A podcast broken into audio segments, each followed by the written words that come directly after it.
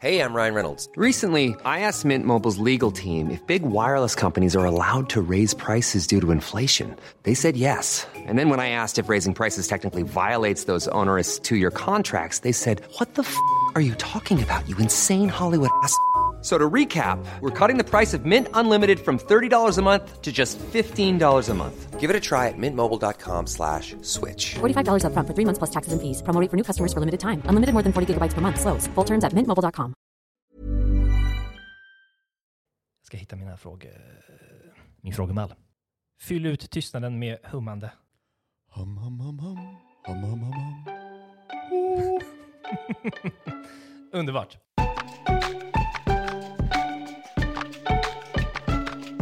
Jag har börjat med en presentation. Mm. Jag tänker att du får höra den och sen får du bekräfta om den stämmer och gärna applådera eller skratta om du blir road. Mm. Absolut. Då kommer den här. Manfred Erlandsson är Forshaga... Manfred Erlandsson är Forshagasonen som slog igenom på sociala medier redan i högstadiet. Han är youtuber, poddare, influencer i största allmänhet och har också provat på artistyrket och tidningsvärlden när han var med och grundade Sveriges första tidning om influencers och sociala medier, Oh My Vlog. Han har idag 341 000 följare på TikTok, 295 000 följare på Youtube och 250 000 följare på Instagram. Slutligen har han en karriär som trollkarl bakom sig. Och nu har han på ett magiskt sätt dykt upp i stolen framför mig här i poddbåset. Manfred Erlandsson. Det är underbart. Jag älskar att du tar upp Oh My Vlog också. Jag hade Ja. på riktigt glömt, fram till du sa, sa det nu, så hade jag glömt att jag har gjort en tidning. Ja, vad sjukt. Eh, Men eh, så var det. Trolleriet också, herregud, du har ju stenkoll. Ja. Eh, Det var ju så allting började egentligen. En första fråga. Mm. Vad skulle du säga att du jobbar med? Youtube. Absolut. Mm.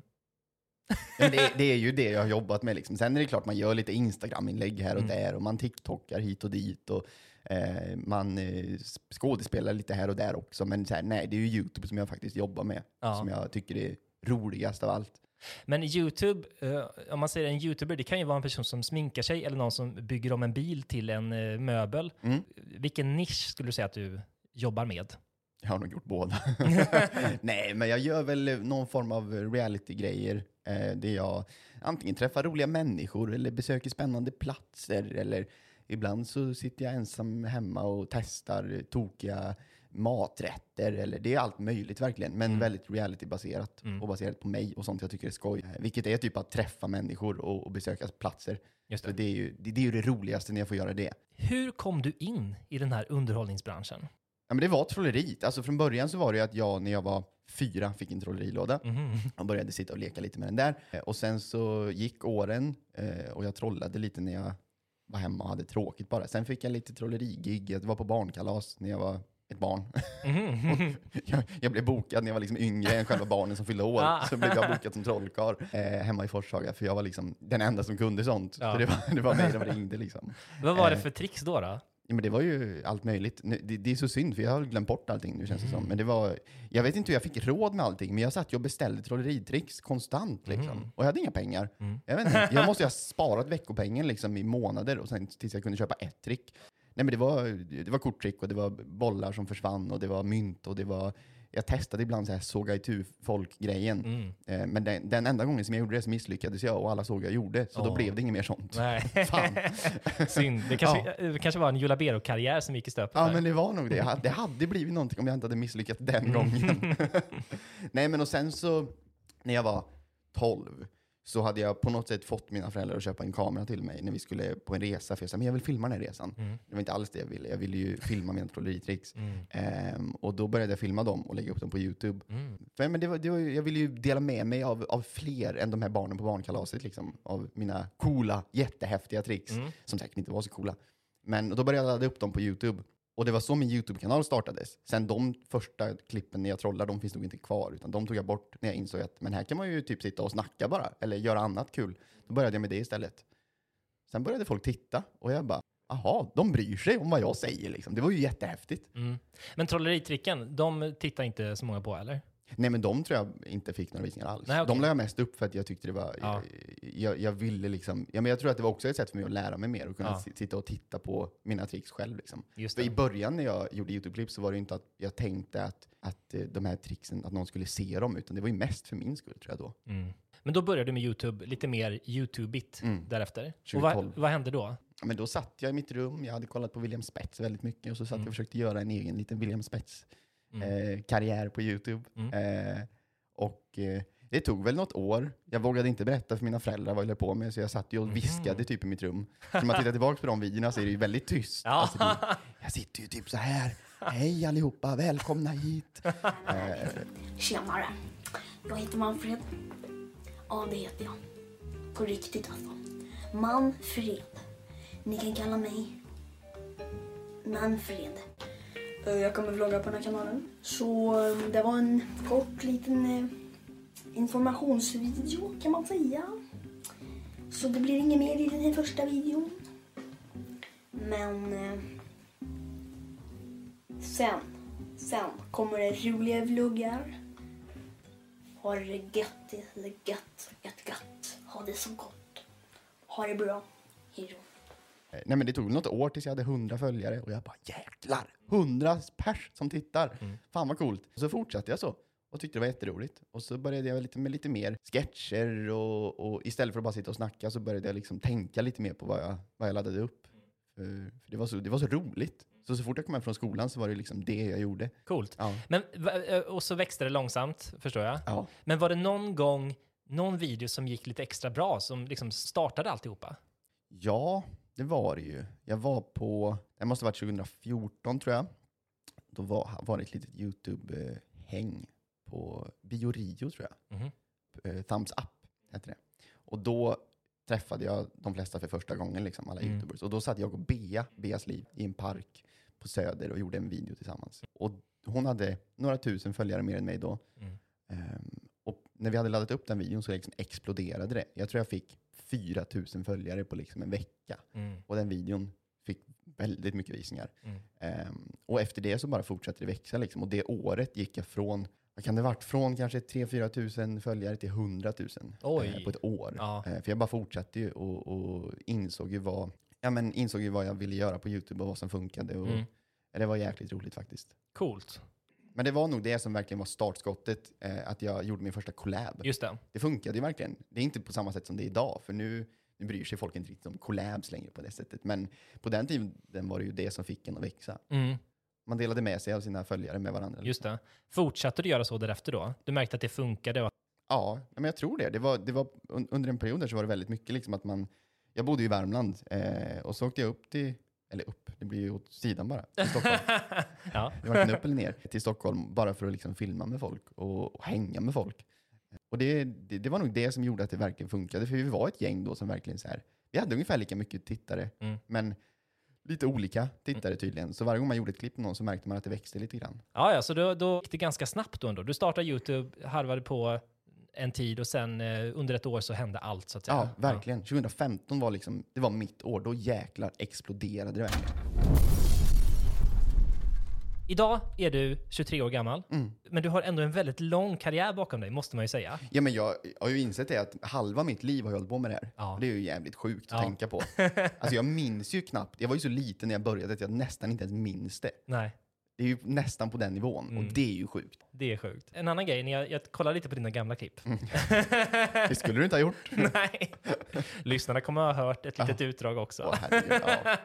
Men det som är kul är dels att se hur saker var då och hur det har ändrats och sådär. Men också en sak som slog mig var att många av de personerna som man ser i och runt dina klipp, de eh, har ju, förekommer inte så mycket längre på sociala medier. Nej. Vissa kanske har slutat för att de har tröttnat eller fallit bort på annat sätt. Vad tror du gör att du fortfarande hänger med, så att säga? Jag kan ju inte tala för dem, men jag tror, att, jag tror att anledningen varför jag är kvar är för att jag fortfarande tycker det är så jäkla roligt. Och, och många kan nog tappa den gnistan efter ett tag. När man har gjort det harvat på i några år liksom. Eh, hur bra det än går så tror jag att många kan säga nej men det är inte så kul, jag kan börja jobba med något annat istället. Liksom. Men jag, jag brinner så mycket för att skapa grejer tror jag. Och det är allt från liksom att göra ett roligt YouTube-klipp till att sitta och skriva en låt till att eh, göra TikToks. Alltså jag tycker allt är så roligt bara. Mm. Ehm, och då tror jag att det finns liksom inget stopp. Sen självklart kan det, kan det ju ändå bli så här att, men att man faller av lite och att man inte är lika relevant längre. Mm.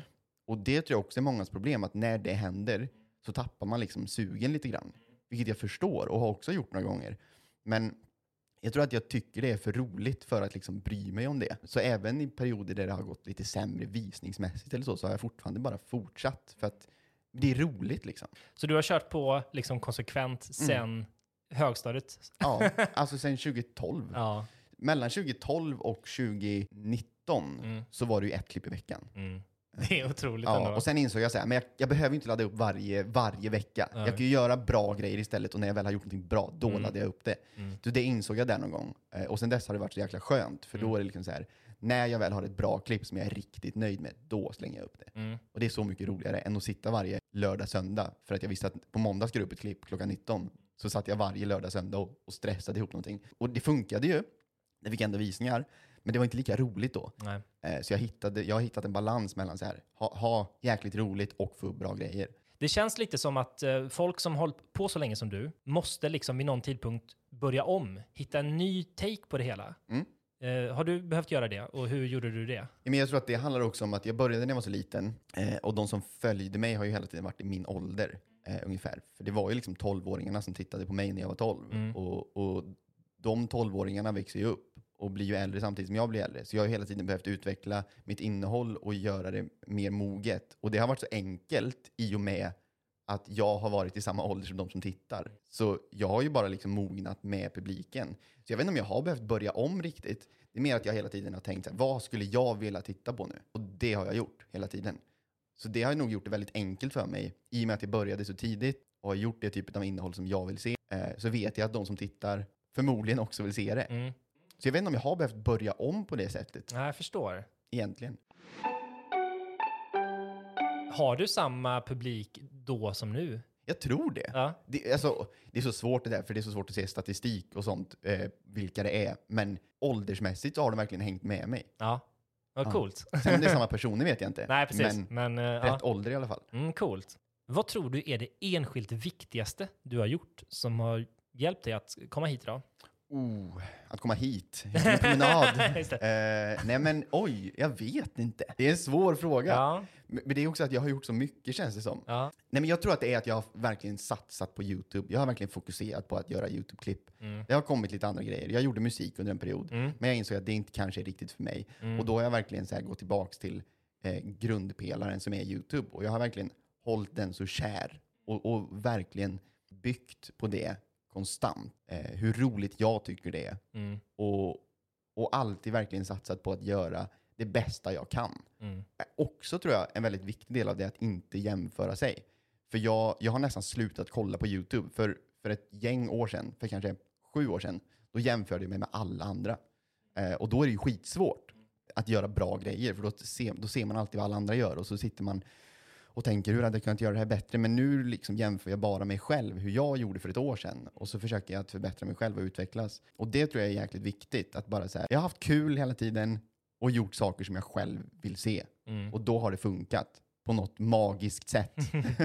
Mm, coolt. Det har funkat för dig. Vad tror du är det viktigaste personlighetsdraget om man vill lyckas i den här branschen? Göra saker även om man inte är 100% nöjd med allting. För ska man göra YouTube eller TikTok eh, så har man liksom inte tid att sitta och revidera någonting i år eller månader. Utan det ska upp lite då och då. Och det, det är liksom, nu, jag tror att ett problem som, som vi pratade om nyss, många som slutade, det är att man, liksom, man vågar inte längre. För att man ser att alla andra gör så mycket bättre grejer eller sådär. Mm. Eh, men jag tror om man bara är, om man bara gör det man tycker är kul och fortsätter med det och inte liksom tänker för mycket på att det här måste bli på ett speciellt sätt, Mm. eh, utan bara laddar upp och är konsistent med det, Mm. så tror jag att det funkar. Och du, hit, du liksom får knyta band med de som tittar på dig. Mm.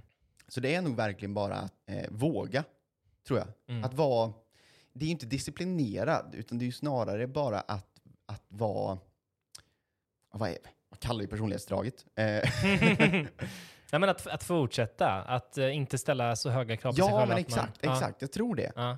För, för om, så fort man gör det så tänker man för mycket. Mm. Och man har inte riktigt råd eller tid att tänka för att göra det här. Man måste bara, man måste bara skapa. Ja. Jag tror det. Ja. Skapa. ja, men det är ändå ganska rimligt att om man ska vara kreatör att eh, skapa. Ja, Mm. ja men, exakt.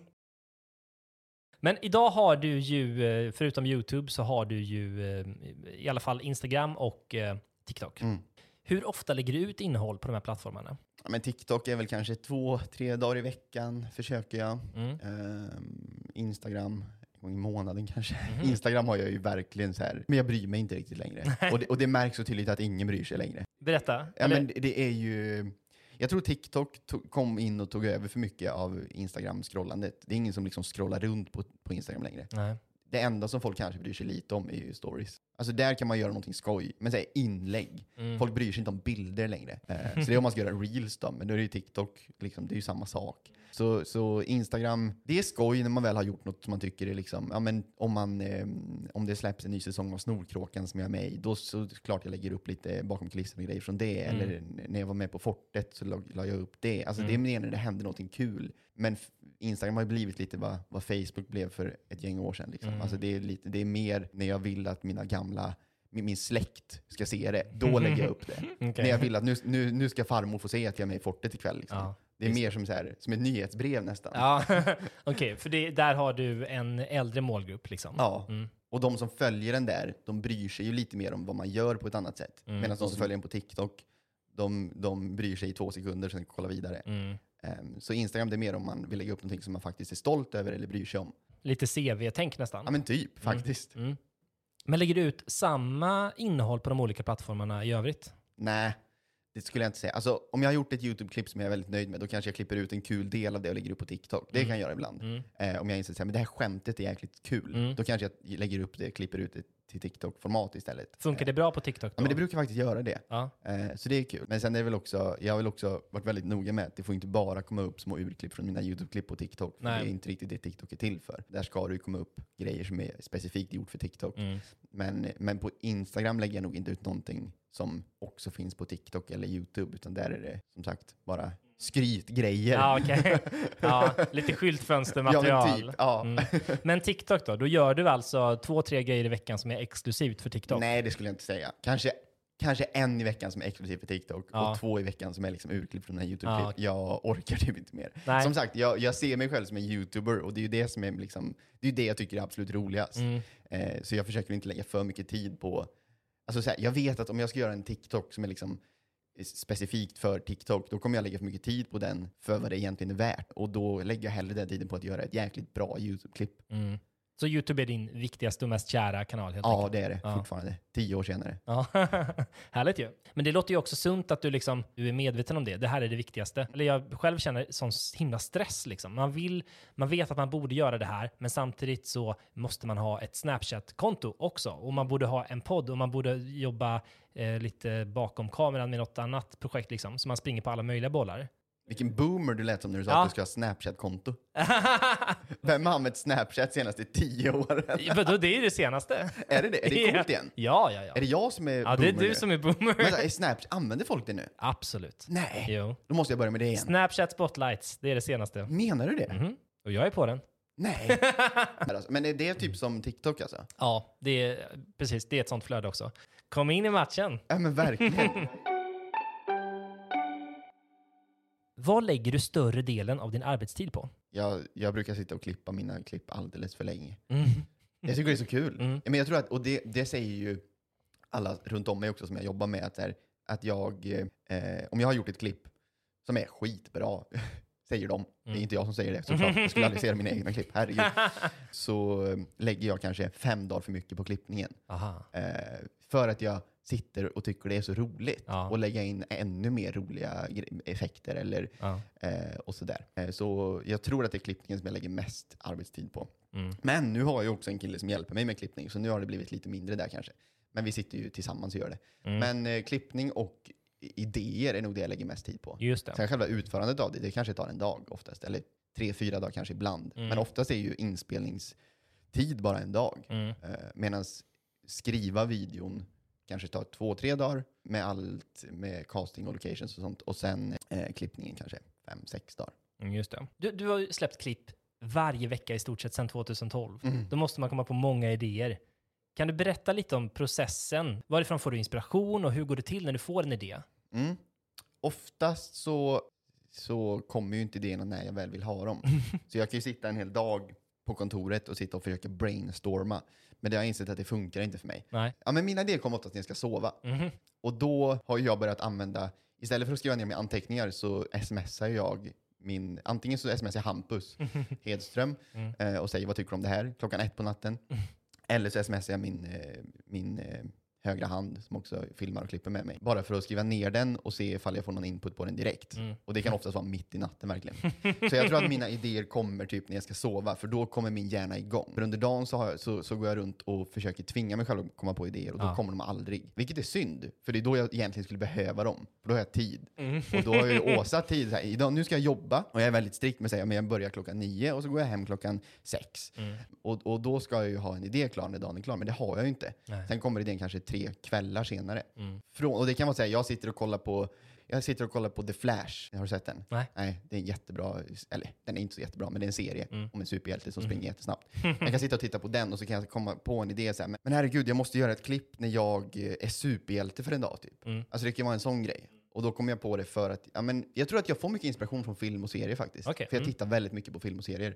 Eh, och nu senaste halvåret har jag varit i en period där jag kollar bara på superhjältegrejer.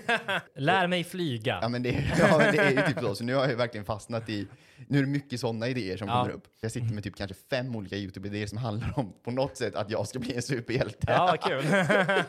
Så ja, nej, men de, jag tror att jag får mycket inspiration från film och tv. ja, coolt. Och sen är ambitionen att få ut ett YouTube-klipp ungefär hur ofta? Ambitionen har ju alltid varit en i veckan. Mm. Men sen senaste två åren kanske så har jag släppt lite på det.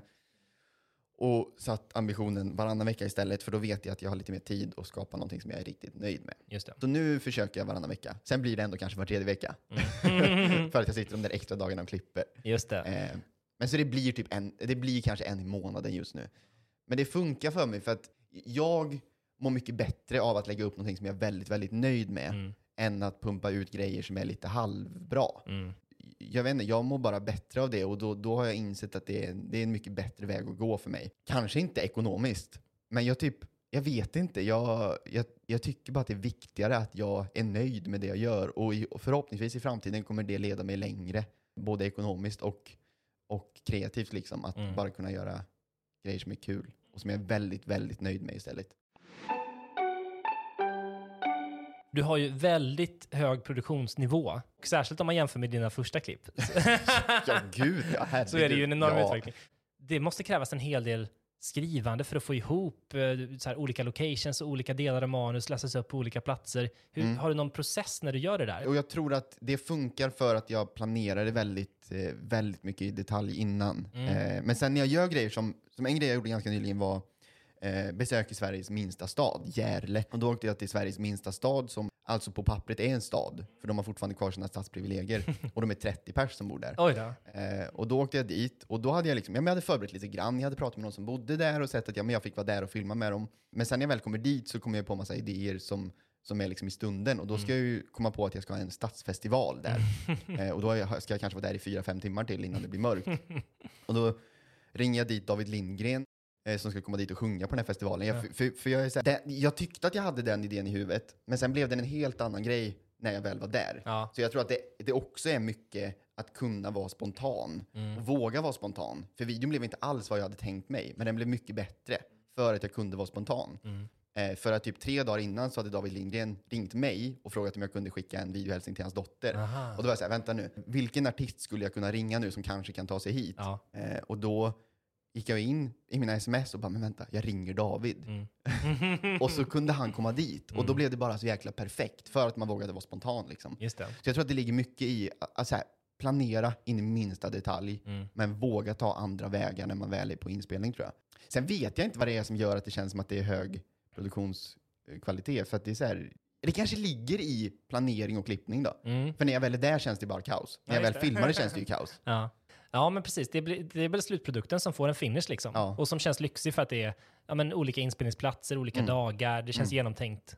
Ja, men vad häftigt. Men tror du att eh, en förutsättning för att kunna vara spontan är att du har en plan också? Ja, exakt. För annars hade jag inte vågat vara spontan. Nej. Om, om, jag inte hade, om jag inte hade planerat någonting, då hade jag ju kommit dit helt tomhänt. Och då hade det ju inte blivit någonting av det. Liksom. Så jag har ju oftast, när jag ska spela in någonting, även om det är reality, liksom, så, så har jag ju ett manus att utgå från. För att säga, det här kan det här bli. Mm. Men sen kanske jag träffar någon person på den här platsen som är så mycket mer intressant än det jag har tänkt mig. Mm. Och då, då får jag ju skriva om manuset i huvudet medan jag är där. Mm. Och tänka, men vad, vad kan vi göra med den här personen? Liksom? Mm. Och då, ja, men som där när jag var i Sveriges minsta stad, då träffade jag en, en kvinna som bor där som har samlat på Barbies hela sitt liv i 60 år. eh, och då blev ju det en liten, en liten story att jag ska sitta där och leka Barbies med henne, Ja, just det. som är, vad var hon, 75 kanske. Eh, då blir ju det en liten kul grej liksom, och, och, och framhäva en kul personlighet i den här lilla, lilla, lilla staden. Det är ju ingenting du kan skriva på Och det, förhand. exakt, det hade ju inte jag kunnat skriva. Det blir ju så mycket roligare än det som jag hade tänkt mig. Mm. Det är ju uppenbart att du tänker mycket på det här. Mm. Ehm, har du under åren snappat upp några produktivitet-hacks för att liksom komma på idéer, för att kunna genomföra idéer, eh, eller så? Jag tror att mitt största hack är att börja jobba på rutin. Alltså att jag går upp samma tid varje morgon, jag går hem från jobbet varje tid. Eller varje, sam, samma tid varje, varje dag. dag. Och hitta en rutin i vardagen. ja. För när jag inte hade det, då fanns det ju inget sätt att slå på hjärnan för jobb. Mm. Och det fanns heller inget sätt att stänga av hjärnan för jobb. Det, jobbet kom ju lite hur som helst, när det liksom när jag kände för det. Mm. Och då kunde jag sitta och jobba på nätterna. Och, och jag tror att mitt största hack är rutiner. Mm. Eh, för att sen jag fick bättre rutiner så går det så mycket enklare bara. Mm. Och det ins- alltså jag jobbade ju hemma i massa år själv. Jag satt i min lilla etta på 27 kvadrat i tre år och gjorde klipp. Mm. Det blev svårt efter ett tag för att det fanns ingen, det fanns ingen eh, skillnad mellan mitt jobb och min, min, min privatliv. Liksom. Så det, det är nog det största, för jag, jag, jag har hittat ett sätt att ändå kunna slå på av hjärnan. Mm. Trots att jag ändå kommer på mina YouTube-idéer på nätterna. Men då, försöker jag, då skriver jag ner det och så försöker jag slänga bort det Mm. för att kunna somna. Exakt. Men, nej, men det är nog det största. Vilka, vilka slags rutiner? Eller rutiner i vilka avseenden ungefär? Eh, ja, men det är nog mycket liksom arbetstider Ja. som gör det för mig. Ja, men, eh, eller en annan grej också, eh, sch- schema. Mm. Sätta ett schema. Den här dagen ska jag filma tre TikToks. Mm. Jag vet inte, och jag ska inte sitta och tänka på dem nu, jag ska sitta och tänka på dem då, på morgonen. Och sen filma dem. Mm. Och så här, schema, okej, den dagen så ska jag, då ska jag ta hela den dagen till att komma på nästa YouTube-klipp. Inte lägga in massa annat samma dag, inte liksom ta ett möte med den personen samma dag, eller filma det här samma dag, utan sätta tid åt det som är viktigast. Mm. Och det kan vara mycket mer tid än vad man tror från början. För här, jag vet att om jag ska komma på ett YouTube-klipp kanske det krävs en hel dag. Mm. Då sätter jag en hel dag till det. Och sen respekterar du det? Ja, Ja. exakt. Och det tror jag är det viktigaste. Så, och det har också med rutiner att göra. Men här, bara var, var snäll mot sig själv. Ge, ge en tid att göra grejer som, som är viktigt. Liksom.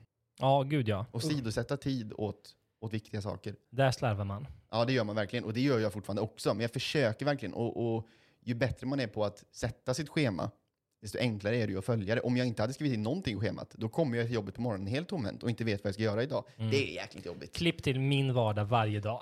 Ja, men, och jag, jag, säger ju det här som att Ja. jag är skitduktig på det. Ja. Men det är jag ju inte. Men jag försöker och jag blir bättre och bättre hela tiden. Och sen är Hampus på mig också. Hampus är skitduktig på scheman. Mm. Eh, och, och han och jag har ju haft långa, långa samtal. Han har ju haft interventions med mig i många år om att du måste bli bättre på scheman. Ja. För jag har ju också väldigt mycket koncentrationssvårigheter. Liksom. Eh, så även om jag har satt en dag till att göra en sak så är jag ju dålig på att bara göra det. Mm. Men då kommer Hampus upp och ger mig en liten smäll. Liksom, och så här, nu måste du, nu måste du fokusera på det du ska göra idag. Liksom. Mm. Och faktiskt, det är också jävligt viktigt att ha folk runt om sig som eh, har lite pli på en. Mm, just det. Eh, så jag har pli på Hampus, han har pli på mig. Sen har jag min, min kameraman och klippare. Hampus har sin kameraman och klippare. Vi, sitter, vi, har ju liksom, vi har ju koll på varandra och ser Mm. till att vi, vi mår bra Mm. och att vi gör rätt grejer. Eh, för jag kan liksom helt börja fokusera på någonting som är helt orimligt eh, under en hel dag. Jag kan säga, men jag, idag vill jag eh, testa att skriva en liten historia om en superhjälte. Alltså, ja, dåligt exempel kanske. Men, och då sätter jag mig med det. För jag kan så lätt nörda in mig i saker. Och då, då behöver jag någon som bara, Manfred, ska du verkligen göra det här idag? Du kanske borde göra ett YouTube-klipp. Liksom. Mm, just Så, det. så det är också bra. Omringa sig med folk som, som bryr sig om att, Mm. du, att det går bra. Liksom. Om vi då kommer in på frågan som alla väntat på. Nej, men ekonomin i det hela. Mm. Hur tjänar du pengar? Ehm... Men jag försöker tänka själv, för Ja. jag, jag, vet ju att, jag vet ju att jag tjänar pengar. Ja. Men jag försöker tänka vart det kommer ifrån. Nej, men det är YouTube-samarbeten, det är TikTok-samarbeten, det är Instagram-samarbeten, lite konsultgrejer, eh, skådespelargrejer och... Eh, nej, det är nog det. Mm. Men samarbeten, det är ju samarbeten. Det är ju där pengarna finns i det här. Mm, det är den största Eh, delen. Ja, det är det. För, förut så, så förväntade jag mig att samarbeten skulle bara komma. Mm. Och det gjorde de ju ofta. Mm. Men sen jag började sälja själv så har det blivit mycket mer. Mhm. Så jag har ju liksom fått mig en, en egen kundkrets. Eh, och jag vet vilka samarbeten som, som funkar för mig, som jag kan göra bra innehåll runt. Eh, och kunder som, liksom, som jag har fått en bra relation med. Mm. Eh, så jag tror att det är mycket det som har gjort att det funkar för mig efter alla dessa år. Att jag verkligen har faktiskt blivit intresserad av säljdelen också. Och inte väntar på att det kommer ett mejl från någon byrå som kommer med ett samarbete, utan jag sitter själv och liksom säljer. Att du har lite kontroll över det då? Ja, exakt. Och skapar relationer med kunder liksom. Ja. Eh, som blir återkommande då för att de tycker om mig kanske. Så det tror jag är en viktig del av varför det fortfarande funkar för mig. Är det samarbeten på YouTube, eller på Instagram, eller på TikTok? Mm. Alltihop? Allt. Mm. Mm. Kan vi inte rollspela lite här då? Att du är dig själv och jag är en, ett, en, en kund då. Mm. då ringer du. ring, ring! Jag är, jag är ute och hämtar kaffe så jag missar första samtalet. Okej, okej. Ja, så ringer jag upp. Ja, hej. Du, ja, sorry, jag missade ditt samtal. Ja, hej. Manfred Erlandsson heter jag. Ja, hej. Jag är YouTuber Mm. och eh, sitter just nu och letar efter nya kampanjer inför det här året. Jag tänkte bara kolla om, om ni kanske är intresserade av ja, men lite YouTube-samarbeten. Jag har sett att ni gör lite sånt, men jag, jag tänker att ja, men det, det, ni får av mig är ganska bra kvalitet. Eller väldigt bra kvalitet skulle jag kanske snarare säga. Mhm. Och, eh, och jag tror att jag kan göra innehåll för den målgruppen ni vill nå som, som faktiskt är underhållande också, som inte bara blir reklam. Mhm, det låter intressant. Mm. Då, ja, då frågar jag såklart, vad kostar det då? Ja. det är klart du frågar det. Ja. Och då svarar jag ju vad det kostar. Ja. Ja. ja. Men, Nej, men du behöver inte säga exakt vad du tar, men Mm. hur tänker du med prissättning? Eh, För det där tycker jag är svårt. Eh, nu är ju det här en väldigt ovanlig situation, att jag ringer upp en Ja. kund och så här presenterar mig som att Ja. ja. men, så desperat kanske jag inte är. Mm. Men det handlar ju mer om att jag har min lilla kundkrets som jag har jobbat Mm. med i kanske fem år. Mm. Eh, så när de väl ska ha eh, ut en ny kampanj, då vet de att de kan höra av sig till mig. Liksom. Mm. Det är väl mer det. Men, eh, och de vet ju också mina priser. Nej, men pris, prissättning är ju lite svårt. Alltså, och, och det som är svårt med prissättning är att man vet ju inte vad någon annan tar heller. Nej. Så, så man vet ju inte att om, om jag säger det här priset kanske de har någon eh, som är väldigt mycket billigare som gör det typ lika bra. Eller kanske ännu bättre. Ehm, så det är klart att det är en svår nöt att knäcka. Men jag, jag tror att om man kan visa dem ett case, någonting man har gjort tidigare som, som har gått väldigt bra Mm. och eh, som är underhållande, som är kul reklam.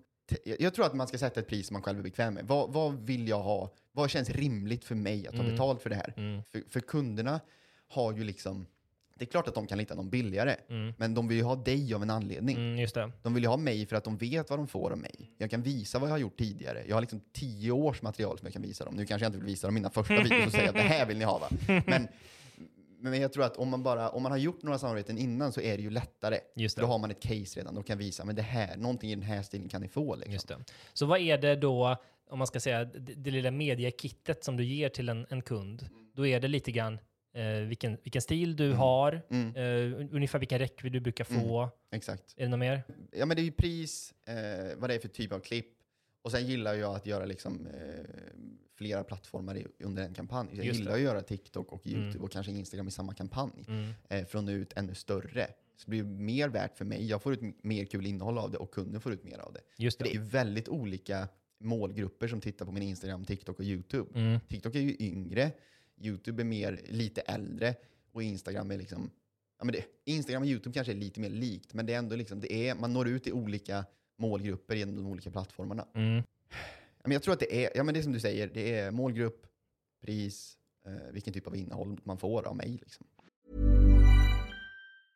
Life is full of awesome what ifs, and some not so much, like unexpected medical costs. That's why United Healthcare provides Health Protector Guard fixed indemnity insurance plans to supplement your primary plan and help manage out of pocket costs. Learn more at uh1.com. Ryan Reynolds here from Mint Mobile.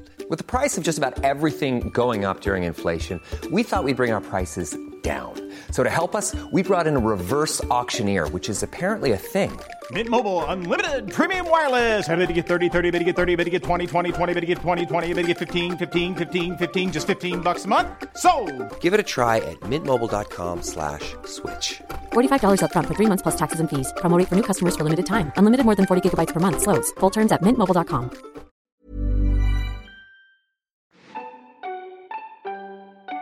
Du nämnde Hampus. Ni delar kontor och ni har ju gjort väldigt mycket tillsammans också. Mm. Kan du säga någonting om det? Har det liksom för och nackdelar med att ingå i en sån nästan duo? Mm. Eller jag vet inte hur ni själva beskriver ert- samarbete, men ni har gjort väldigt mycket tillsammans ju. Nej, men det har varit superkul. ju. Alltså, det har varit väldigt bra för både mig och Hampus tror jag. Och det, på samma sätt som jag började växa för att jag gjorde en video med Bea, så har jag och Hampus konstant växt parallellt. Liksom. Trots att vi har gjort väldigt olika innehåll. Han har ju alltid varit liksom, han har gjort ske- humorsketcher och jag har gjort mina reality-grejer och vloggar och sånt. Eh, men vi har ju alltid gjort videos tillsammans. Och jag syns ju i väldigt många av hans sketcher. Han syns i väldigt många av mina videos. För att vi, och det här är ju även innan vi delade kontor. Ja, men Hampus och jag, eh, dels jobbar vi mycket ihop, men jag tror att vår största fördel är ju att vi är bästa vänner. Alltså så här, vi, vi umgås ju även när vi inte jobbar. Och visst, vi lärde ju känna varandra för YouTube-grejen. För att han, väldigt kortfattat, jag och Hampus är på med trolleri, vi båda var från Värmland. Eh, han hade ett gig i Forshaga där jag kommer ifrån. Jag åkte dit. Eh, han tyckte jag var en liten skitunge liksom. Han ville inte prata med mig, men han tog upp mig på scenen och gjorde trick, för jag var den enda som räckte upp handen liksom. Men han brydde sig inte så mycket. Eh, sen några år senare, så, ja men det var ju den här perioden som min kanal gick bra liksom. Jag hade gjort mitt klipp med Bea, fått kanske 70 000 prenumeranter. Eh, och då var Hampus sugen på att börja med YouTube. Eh, jag sa självklart hjälper jag till. Vi gjorde ett klipp tillsammans, han började växa och på den vägen var det. Och eftersom vi båda bodde i Värmland så var det väldigt lätt. Han kom ju hem till mig kanske en eller två gånger i veckan och vi gjorde klipp tillsammans. Eh, vi började med en kanal som hette En rullande talkshow som eh, var liksom en men det var en talkshow på, i en bil som vi började med 2015 eller 16 där. Och sen så drog vi igång den igen för några år sedan som blev en av Sveriges största och snabbast växande kanaler. Eh, Så vi har ju hela tiden gått hand i hand genom det här. Eh, Han är liksom några år äldre än mig. Men han är lite som en storebror också. Liksom. Eh, Och jag är lite som en jobbig lillebror tror jag ibland. men, nej, men det, har varit, det har varit väldigt nyttigt för oss att jobba med varandra och samtidigt vara liksom bästa vänner. Mm. Det har hjälpt oss mycket mer än vad man kanske kan tro. Mm, mm, För vi, vi har ju alltid varandra. Vi vet ju alltid vart vi har varandra. mm. Vi kan alltid hjälpa varandra med, med filma eller komma på idéer och, och, och sen kan vi gå på bio på kvällen. Alltså, vi- nej, men det, är, det är skönt att ha varandra bara. Mm. Ja, härligt ju. Har det funnits några nackdelar med det? Men det är väl den grejen att vi har jobbat så mycket ihop. Att ibland blir det svårt att vara bästa kompisar och eh, närmaste kollegor samtidigt. Just det. Så det har ju varit såklart en utmaning då och då. Men det har ju verkligen funkat ändå. Mm. Nej, egentligen inte några större nackdelar, det tror jag inte. Nej, ni kanske inte heller har konkurrerat. Alltså, ni har inte gjort exakt samma sak ju. Nej, och det är, ju, det är nog det viktigaste tror jag. Och det är nog därför det har funkat. För vi har gjort olika saker. Så det har aldrig varit någon liksom konflikt i att säga, men det där klippet skulle ju jag göra Hampus. Nej, det. Eller det har ju aldrig blivit den grejen. För vi gör så olika grejer. Så det är snarare liksom att vi, vi bara kan hjälpa varandra med våra olika projekt. Och jag har lärt mig humor av Hampus. Han har lärt sig liksom säkert någonting av mig. Nu är ni ju båda väldigt etablerade, Mm. men historiskt har det liksom två unga killar, trollkarlar från Värmland som börjar med YouTube. Har det liksom varit en sån här, vem är Filip och vem är Fredrik? Men det har det mycket. Ja. Och jag blir ofta kallad för Hampus, han blir ofta kallad för Manfred. Det, vi har ju faktiskt den grejen. Ja. eh, folk blandar ihop oss väldigt mycket. Ja. Eh, och, och kanske speciellt under perioder där vi har gjort väldigt mycket klipp ihop. När vi gjorde en rullande talkshow till exempel så tror jag inte folk visste vem som var vem. Mm. Det blev ju en Filip och Fredrik-grej. Mm. Eh, även om, och, och sen är vi, vi är ju inte jättelika tror jag. Enligt mig, men många tycker att vi ser väldigt lika ut. Ja. Och sen är vi från Värmland båda två som du säger. Mm. Vi, liksom, vi har lite samma stil kanske. Jag, det, ja, så jo, folk har blandat ihop oss, absolut. Jag tänkte på det här med eh, framgångar och misslyckanden. Hur avgör du om någonting du gör har gått bra eller dåligt? Förr i tiden var det ju hur mycket visningar någonting fick. Alltså om, om någonting fick 20 000 visningar så var jag ju väldigt missnöjd. Då var det så här, det här har gått dåligt. Alltså i relation till... I relation till kanske 500 000 visningar. Ja. Vilket det fick ibland. Och sen plötsligt kom det en video som hade 20 000 visningar och då var jag såhär, nej, nu, nu har jag misslyckats, nu slutar Nu lägger jag handskarna på, på hyllan och så Ja. ger, ger, ger jag mig av liksom. Och det var förr. Nu tror jag att jag har landat i att säga, nej, om jag är väldigt nöjd med någonting, då har det gått bra. Så, ja, men jag la upp ett, ett klipp runt jul nu, eh, där jag lät en AI skriva en jullåt åt mig. Just det. Och den ligger på kanske, ja men det kanske ligger på 20 000 visningar. Men jag är skitnöjd, för jag tycker det blev en bra video. Det var en kul grej. Och det är någonting som jag kan visa upp och ändå vara nöjd och stolt över. Eh, och då, då känns det som att jag har lyckats.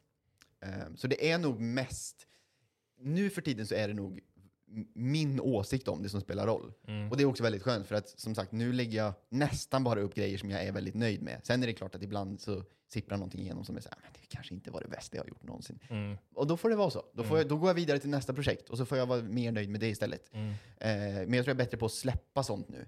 Förr i tiden kunde jag älta en sån grej Mm. i, i liksom veckor. Att säga, nej, men nu går det inget bra. Och så kunde jag eh, bli lite deppig liksom ett tag. Men nu tror jag att jag har väldigt lätt att om jag har gjort ett projekt och så är jag inte jättenöjd med det, då, då släpper jag det. Mm. Och så går jag vidare till nästa projekt. För jag vet att sådana stunder kommer komma. Man kan inte alltid vara nöjd med allting. Och det är som jag sa förut, att så här, man måste våga göra grejer ändå. Vi har inte råd att göra en Mr. Beast och lägga liksom en miljon kronor på en video och sen slänga den videon. Det har vi, vi kan ju inte göra det. Nu lägger inte jag en miljon kronor på en video ändå. Men jag menar, om jag har gjort ett klipp som är så här, ah, men nu har jag lagt fem dagar på det här, det blir okej, liksom. så då släpper jag det. Det kanske inte är det bästa jag gjort, men det kan inte allting vara heller. För det fanns en period där jag liksom så här, varje video skulle bli lite bättre än den förra. Och, och till slut så kom jag till en punkt där så här, men hur ska, hur ska jag göra nu då? Ja. Jag kan inte varje vecka bli bättre, det går inte. Men jag tänker många som försörjer sig som influencers, de gör ju det via samarbeten. Mm. Och då är ju en del av det i alla fall att kunna visa upp att så här mycket visningar brukar jag få. Känner du att du har kommit till ett läge där du säljer liksom samarbeten mer på relationen med dig än enbart Mm. på visningarna? Jag tror det. Jag tror att jag, för dels har jag ju fortfarande visningar. Det är ju inte det, det, är inte det att de inte finns kvar. Nej. Eh, och oftast lägger de sig ändå runt 100 000 liksom, på Mm. YouTube. Eh, och det är ju det jag säljer på. Liksom. Mm. Eh, och är det en video som, ja men det här vet det här ska vara ett samarbete, då kanske jag tänker lite mer på att ja men den här videon, jag vet ju ungefär vad som går hem. Jag vet ju vilka videos som kan få 100 000 plus visningar. Mm. Och vilka som kanske inte riktigt kommer få det. Mm. Men är det ett projekt som jag ändå tycker är väldigt kul, eh, men som jag vet kanske inte kommer gå riktigt lika bra, då ser jag ju till att det inte är ett samarbete. Eh, men sen tror jag som du säger också, så säljer jag ju också på relationen och eh, alltså kvaliteten på det. Ja. För jag vet ju att, jag vet ju ungefär vad kunden vill ha. Mm. Och får de en väldigt bra reklamfilm, så om det är en väldigt bra reklamfilm som syns av 30 000, så är ju det bättre än en väldigt dålig reklamfilm som ses av 200 000. Mm. Tänker jag. Och det brukar kunderna vara med på också. Mm. Och det är jäkligt skönt. Och så kanske det inte var för tio år sedan. Nej, gud nej. Nej. Nej, det var det inte. Då var det en helt annan grej. Vad skulle du vilja ge för råd till någon som vill börja med sociala medier idag? Hitta, först och främst hitta sin plattform, för nu finns det så många plattformar att göra det på. Mm. Alltså man kan göra YouTube Shorts, det kan gå jättebra idag. Man kan göra TikToks, det kan gå jättebra. Man kan göra YouTube. Eh, så först och främst hitta vad man vill göra. Och sen forma en idé. Vad vill jag göra på den här plattformen? Alltså är det TikTok, det, det kanske är lite lättare att, att slå igenom på TikTok från början, för att det, det är en lite mer tacksam algoritm som styr och vem som helst kan i princip få väldigt många visningar om man gör bra grejer. Medan om du ska göra YouTube, då kanske det är mer en långsiktig plan. Att så här, men jag kanske ska ta hela det här året till att efter jobbet eller efter skolan göra ett klipp en gång i veckan och försöka utvecklas och bli bättre om det är YouTube man vill satsa på. För det tar ju lite längre tid kanske. Mm. Så jag tror att först hitta plattform, sen hitta en plan. Eh, vad vill man göra och hur vill man göra det? Mm. Hitta någon som man inspireras av. Alltså vill du göra Pewdiepie? Ja, testa det. Vill du göra Mr. Beast? Testa det. Det blir dyrt. Men kör. Eh, vill man göra eh, melloparodier? Mm. Gör det. jag gör just inte det, för det, det vill jag göra. Nej men alltså hitta, ja, jag tror att det är det. Och sen så här, tror jag att det är väldigt viktigt att när man sätter upp sin lilla plan och vad man vill göra och hittar någon inspirationskälla, hitta det man själv tycker är roligast att göra. Mm. Så kopiera kanske inte det som går allra bäst. Alltså kopiera kanske, kanske inte Mr. Beast då, för det kommer du inte kunna. Nej. Du har inte råd. Förlåt, men du har inte det. Man bränner allt på en första video liksom. Exakt, och sen blir det inga fler klipp. Nej. Nej, men gör någonting som, du, som är kul och som du vet att du kan göra under en längre period. Ehm, som inte är för svårt, för du kan inte börja med de här skitstora, svåra klippen, utan gör, gör det ganska enkelt för dig. För du har inte all tid i världen, du har inte alla pengar i världen. Mm. Så låt det ta sin tid och, och gör saker som du vet att du har möjlighet att göra Mm. under en lång, lång tid. Så att du inte, för annars kan det bli så här att du gör det här i ett år, det går inte skitbra, så då tröttnar du och slutar. Ja. Eh, så om du är jätteintresserad av ridning, ja, men gör klipp om ridning då. Det finns väldigt många som är intresserade av det, tror jag. Så då är det klart man ska göra det. Istället för att om det är det som är din största hobby och du vill göra, du vill göra sociala medier, då kanske du inte ska börja med sminkvideos. Mm. Alltså, Mm. gör det som, som du själv är väldigt intresserad av. Mm. då finns det andra som är intresserade av det också. Mm. Verkligen. Och, och, och fastna inte i siffror. För det gjorde jag i så många år och det blir skitjobbigt. Nej men det blir skitjobbigt. Ja. För då, då, då, då låter man ju siffrorna styra hur bra man mår nästan. Och det är, det är farligt alltså. Så fastna inte på det. Låt det liksom ta sin tid och låt, ehm, ja men som sagt, alltså, så länge du är nöjd med det du gör. Och sen är det klart, om man har som plan att kunna jobba med det, då är det klart man vill att folk ska titta på det. Men det ska ju inte vara huvudsaken. För om, om du säger att du vill hålla på med sociala medier, då ska det vara för att du vill, för att du tycker att det är kul. Inte för att du vill liksom bli miljonär på det. Nej, just det. Så gör det man vill och brinner för tills dess att man kan tjäna pengar på det. för Kanske. vill du bli miljonär, då finns det andra sätt att göra det på. Alltså det finns ju väldigt många sätt. Om, om det bara är pengarna som, som eh, kallar på det, då Mm. finns ju väldigt många olika sätt att tjäna pengar. Och sociala medier är inte den enklaste att bygga upp för att tjäna pengar på. Mm. Nej, det är en bra påminnelse. För folk tror ju att det är, liksom, ja, men det är ju en, en quick fix, liksom. det är snabba pengar, men det är det ju inte. Nej. Det tar väldigt lång tid att bygga upp någonting som gör att du faktiskt kan leva på det. Slutligen då. Finns det någon fråga som du hoppades att jag skulle ställa, eller trodde att jag skulle ställa, som jag inte har gjort? Ehm, nej. Jag tycker du har ställt bra frågor, Emil. Ja. Jag tycker du har gjort ett bra jobb. Tack så mycket. Nej, men det tror jag inte. Alltså, Nej. Nej. Underbart. Jag tycker du har fått med det viktiga. Ja, men det tycker jag också. Ja, Väldigt eh, kloka och bra tips. vad härligt. Lyssnarna, om de vill hitta dig på internet, Mm. vart söker man då? Det är så skönt, för jag har ett så ovanligt namn. Mm. Så om man söker på Manfred, då brukar man hitta mig ganska snabbt. Ja, vad bra. Eh, så då är det Manfred Erlandsson Mm. på YouTube och på Instagram och på TikTok.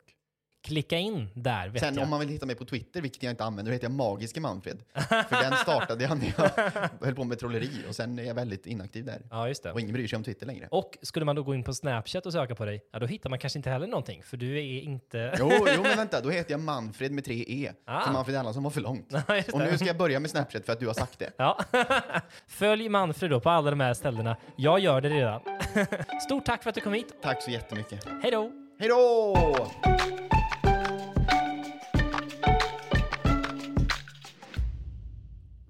Är du nöjd?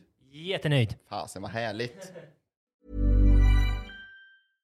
Imagine the softest sheets you've ever felt. Now imagine them getting even softer over time. That's what you'll feel with Bowl and Branch's organic cotton sheets. In a recent customer survey, 96% replied that Bowl and Branch sheets get softer with every wash. Start getting your best night's sleep in these sheets that get softer and softer for years to come. Try their sheets with a 30-night guarantee. Plus, get 15% off your first order at bowlandbranch.com. Code BUTTERY. Exclusions apply. See site for details.